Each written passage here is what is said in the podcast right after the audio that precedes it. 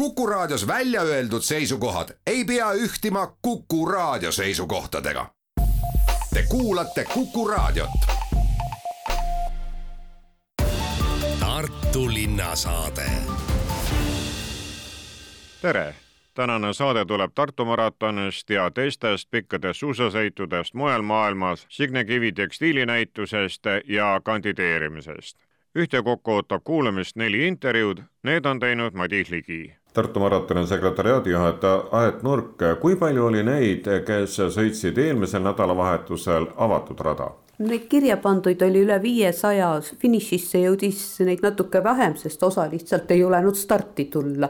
või olid siis ekslikult pannud ennast avatud rajale, aga tegelikult tahavad sõita põhisõitu ja nüüd küsivad, kas siis saab ümber mängida selleks nädalavahetuseks. kui aga vaadata pühapäevast startijate nimekirja, siis eh, kes on otsustanud ette võtta pool või täispikama, kui palju siis kokku annab? Poolele distantsile on praegu reganuid üle kaheksasaja ja pikale maale minejaid julgeid on rohkem, neid on üle kahe ja poole tuhande. kes on ennast neljakümne üheksandale Tartu maratonile kirja pannud, kust ja millal nad juba oma numbrid kätte saavad? võistluskeskus on avatud meil Lõunakeskuses, aga mitte seal traditsiooniliselt Liuväljalt, vaid oleme, oleme koridoris seal Liuvälja läheduses ja oleme avatud reedel kella kaheteistkümnest õhtul kella kaheksani ja laupäeval jälle alates kella kümnest õhtul kella seitsmeni. Stardipaikades anname numbreid kätte poolteist tundi enne starti. jätkan maratoni tegevjuhi Indrek Erguga, kas tänane seis ja ilmaprognoos on selline, et korraldajad peavad mõnda kohta jäisesse paika rajale veel lund peale vedama või ikkagi tasub kindlalt loota selle peale, et tuleb taevast lund juurde ja saab suusatada Otepäält Elvasse lumel. Ja kui äh, nüüd tänast seda ilmaennustust äh, vaadata, et, äh, et siis tundub küll, et see, kui me nüüd hakkaks pungestama siin seda mõnda käsutäit või koormat lund vedama peale, mis tänases pildis oleks äärmiselt vajalik siis see muutub üsna mõttetuks, kui sihuke kümme sentimeetrit lund nagu kogu sajale peale tuleb, et et me vist ähm, ei, ei võta sellist tööd ette, et keeruline on äh, lähedusest äh,, nende kohtade lähedusest lund leida. peaaegu et võimatu, kus, äh, kuhu seda lund vaja oleks, et sellisel juhul me peaksime igal juhul Otepäält vedama, vedu on pikk ja ja, ja noh, see tulemus on äh, pigem selline sümboolne kui, kui suure äh, kasuteguriga äh, praegust nagu prognoosi vaadates, kus lisalume võimalus on ikkagi väga-väga tõenäoline. millal aga lumesadu võib tulla ja kui palju siis ta rada kasvataks? no täna vaadates ähm, ilmakaarte, siis peaks äh, esimesed sapsakad tulema reede hommikupoole ööd. reedel veel mitte väga palju, aga siis ähm, laupäeval natuke rohkem, laupäeval äh, vähem äärjemalt ja siis laupäeva õhtul ja, ja pühapäeva öösel veel juba ja külmemat lund ja, ja hetkel nagu näitabki äh, pigem sellist kõige suuremat lumesadu just nimelt laupäeva ööseks vastu pühapäeva kas maratoniraatraktor suudab siis äh, öö jooksul edasi-tagasi Otepäält Elvasse sõita äh, mitu raksu ning pole lisajõude vaja või peate kusagilt tehnikat juurde kauplema? Äh, jah, kui tuleb ikkagi selline olukord, et meil äh, värsket lund tuleb äh, peale ja, ja saja tegemine jääb viimaseks ööks suurelt, siis kindlasti me peame Tehvandi suure rajatraktori appi kutsuma, et abis on ta nagunii, aga tema hooleks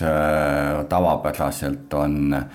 on raja tegemine siis ähm, kuni siis Otepää rullirajani ja seal rulliraja osa ka osaliselt et äh, aga, aga praegust skeemi vaadates noh, võib juhtuda, et, et äh, meil tuleb öösel äh, liikida seda rada edasi-tagasi ja, ja ei saa välistada veel, et siis enne starti peavad mõlemad rajatraktorid koos veel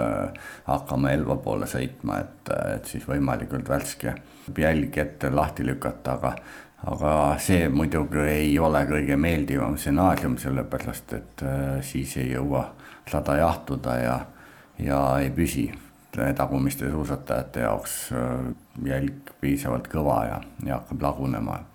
et parem oleks see, kui lumesadu tuleks laupäeva õhtuga ära lõpeks, siis hakkaks külmenema ja siis me saaksime suurepärase raja teha. aga, aga eks vaatame aga õnneks eh, praegune ilmaennustus ütleb siis seda, et mõni kraad on pühapäeval külma, kui sõidetakse neljakümne üheksas Tartu maraton, mis tähendab, et tuleb ilus suusailm. Äh, jah, praegu äh, selle nädala kõige külmem ilm peaks igal juhul olema pühapäeval ja, ja ikkagi niisugune vähemalt kolm-neli miinuskraadi hommikul stardi hetkel ja, ja pigem on see äh, trend külmenev, sellepärast et esmaspäev, teisipäev läheb veelgi külmemaks, nii et päeva peale ka tundub, et et soojemaks ei lähe ja ta jääbki niisugune kolme-nelja miinuskraadi peale, mis on ideaalne suusailm siin Tartu maratonis on ka maailma pikamaasuusatamissarja veeltõpete peakorteri peasekretär Epp Paal. kas ka teised maailma pikad suusasõidud on sel aastal mures lume pärast, et lund on vähe, ei anna kindlat rada ajada? eks nad ikka on hädas, et aga sel aastal on siiani kõikidel vedanud, ütleme isegi, et üle noatera tihtipeale, et kõik Worldlopeti maratonisõidud on siiani saanud peetud ja on lootust, et ka nüüd järgmistel nädalatel läheb hästi, küll aga on teisi, mis maratone ära järjest jäänud, mis on seal maailma suusamaratonide kalendris. et äh, need sõidud, mis on saanud peetud, on äh, tihti pidanud pisut enda rada muutma või siis kõvasti-kõvasti lisatööd tegema, põldudelt lund ja igalt poolt kokku kraapima, aga jah, siiamaani on suusapeod peetud saanud kas selle ilma on suusasõpru järjest rohkem või kliima soojenemise tingimustes kipub see arv kahanema? Äh, on olnud äh, nii ja naapidi, et ei ole päris äh, kindlat sellist käekirja, näiteks just eelmine nädalavahetus Tšehhis püstitati uus osalejate rekord ja ka Prantsusmaal eelmisel nädalavahetusel peetud võistlus oli nagu suur nagu muiste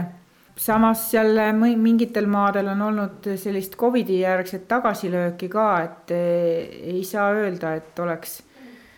nüüd mingisugune stabiilne käekiri iga, igal pool välja kujunenud. mitu suusamaratoni on selle aasta World Opeti sarjas? üheksateist, et eh, on meil sarjas, kuna Vene suusamaraton on hetkel, tema liikmelisus on peatatud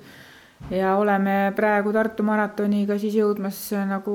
hooaja selgroogu murdma, et siiani jah, on päris hästi läinud. millal viimane tuleb, kaua kestab? Äh, sari lõpeb meil Islandil aprilli keskel, et äh, kestab, kestab, et kes tahab veel kuskile punti tulla, et äh, Eesti Sport Travel pakub väga lahedaid neid pakette, et kui ise endal pealehakkamist või oskust ei ole, kuidas minna, et äh, Eestist on väga-väga tubli selline spordireiside agentuur, kes nad ise, nad on kõik äh, nendel maratonidel käinud suurte teadmistega, et äh, minu teada on neil gruppidesse veel kohti. Tartu linnasaade tänase saate järgmine intervjuu tuleb vaipadest ja võimust ja võimuvaipadest tuleb sellepärast, et tekstiilikunstnik Signe Kivi on tartlastele toonud vaadata oma loomingu ja päris esimesed vaibad nelikümmend aastat tagasi tehtud on siis uudistada Abakani vaateaknal. kas see ongi ühe kunstniku jaoks, tekstiilikunstniku jaoks siis õige koht, kus oma loomingut näidata, mitte näitussaalis, vaid ikka kangepoes? see on kõige-kõige õigem koht ma veendun selles iga päevaga üha rohkem, aga kõik algas sellest, et äh,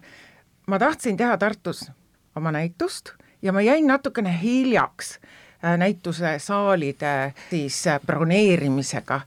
et need toimuvad tänapäeval juba päris vara. ja siis mul tuli meelde see üllatus ja õnnis hetk, kui me aasta tagasi Pallase kõrgema kunstikooli tudengitega näitasime oma töid, oma kangaid aparaaditehase ruumides ja nad paistsid aknast, nii et kõik möödujad võisid vaadata. ja ma mõtlesin, et mõtle, kui kahju, et, et seda võimalust enam ei ole ja järsku turgatas mulle, et aga Abakani pood Riiamäel, suured aknad ja et kas minul on kangad, et mul on küll seal väljas ka kaks vaipa jah, aga mul on kangad, et kas tänapäeval nagu sellist tarbetekstiili, et kuidas sa panedki ta nagu näitusesaali ja siis inimene peab spetsiaalselt tulema ja pileti ostma ja minu meelest see on kõige-kõige õigem koht veel ka sellepärast, et minu kunstniku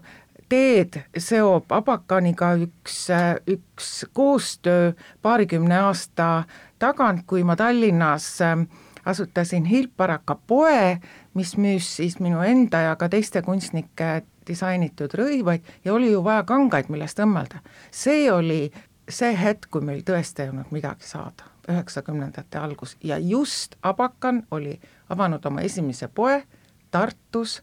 Riia mäel ja siia sai ikka mitmeid-mitmeid kordi sõidetud ja päris suure hulga raha eest erinevaid kangaid ostetud ja kohe riided õmmeldud ja kohe need osteti ka ära. nii et kaks asja said kokku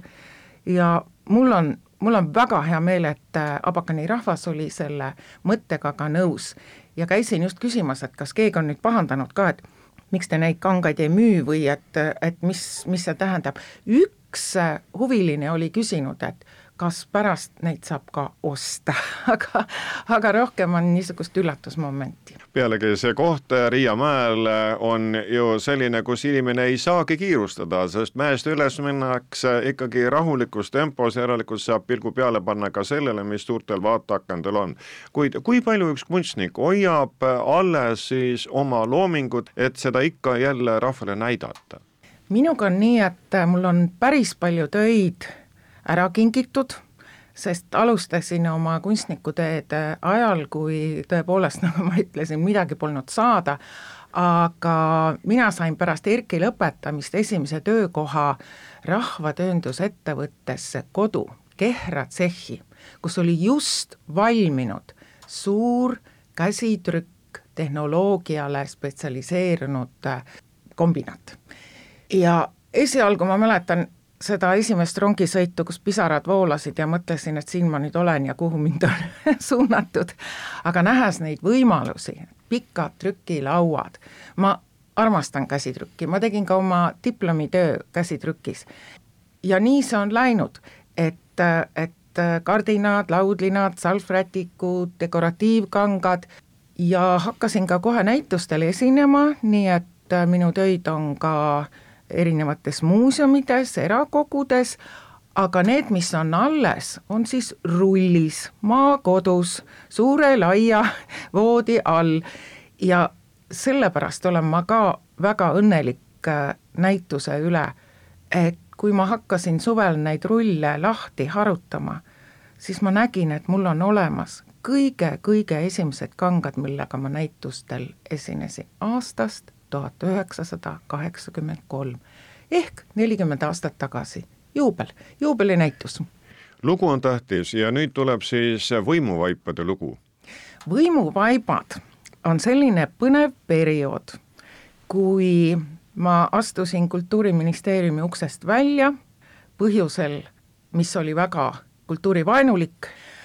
ja mul hakkas kummitama et ma olen nendest treppidest ja mööda neid tookord, tookord olid seal niisugused punased vaibad. ja päris mitu korda ma mõtlesin, et Kultuuriministeerium, kuidagi see punane, väga niisugune bütsantsilik nagu niisugune Vene võimu minu jaoks sümboliseerib. ja siis ma kuulsin, et nad vahetatakse välja ja, ja siis ma läksin, küsisin, et kas ma võiksin need vanad vaibad endale saada. ma veel ei teadnud, mida nendega teha, aga see idee tuli tasapisi, et kasutangi ära trepivaibad ja kuna ta on niisugune tõesti, nagu ma ütlesin, võimusümbol, siis lisan sinna veel niisugust luksust, pärleid ja, ja, ja tikandeid ja aga kuivõrd ma olin selleks ajaks ka päris palju osalenud erinevatel kandideerimistel ma pean ütlema, et ma tegelikult olen kõik oma töökohad saanud läbi kandideerimise. nii Kunstnike Liidu presidendi koha, nii Eesti Kunstiakadeemia rektori koha, nii Tartu Kunstimuuseumi direktori koha, rääkimata siis äh, kandideerimistest äh, Tallinna volikogusse või, või äh, Riigikogusse no ministri koht mitte vast. ministri koht vist kandideerimisel ei olnud, et, et see tuli kuidagi nii, et tehti ettepanek ja, ja tagantjärgi isegi kummaline meenutada. ja teate, mul, mul on alles kõik kandideerimisega seotud äh, plakatid alguses nad olid väga tagasihoidlikud, mustvalged, siis läksid üha värvilisemaks. ja siis tuli üks periood, kus reklaamifirmad otsustasid, et inimesed tuleb väga ilusaks teha, et niisugune võib-olla valija niisugust naturaalse näoga meest või naist ei valigi. ja kõik, mäletan, et silmavalged tehti hästi valgeks ja hambad olid, see tundus mulle nii totter. Ja siis lisaks nendele vaipadele, pikkadele tegin ma ühe nagu valimisplakati, selle vaiba nimi ongi Vali mind, see on Eesti Disaini- ja Tarbekunsti Muuseumi kogus, sinna trükkisin ma oma tollase portree ja pärlitega tegin siis silmavalged ja hambad veel valgemaks, aga sellele lisandub veel üks detail, kuna valimistele antakse inimesele alati number, siis ma mõtlesin, et pagan naisterahval on kolm olulist äh, numbrit, rinna ümbermõõt keskkoht ja puusad. et panen need aastast siis, teate, ma pean meenutama, kas kaks tuhat neli, need mõõdud panen ka sinna peale. hea teinekord vaadata ja see on, see on natukene irooniaga tehtud, aga täiesti tõsine kunstiteos ja ma olen seda mitmed korrad eksponeerinud ka nii, et ta on põrandal, sest ta on põrandavaip ja sellel on oma tähendus, et tegelikult ega need valimised kandideerijatele kerged ei ole.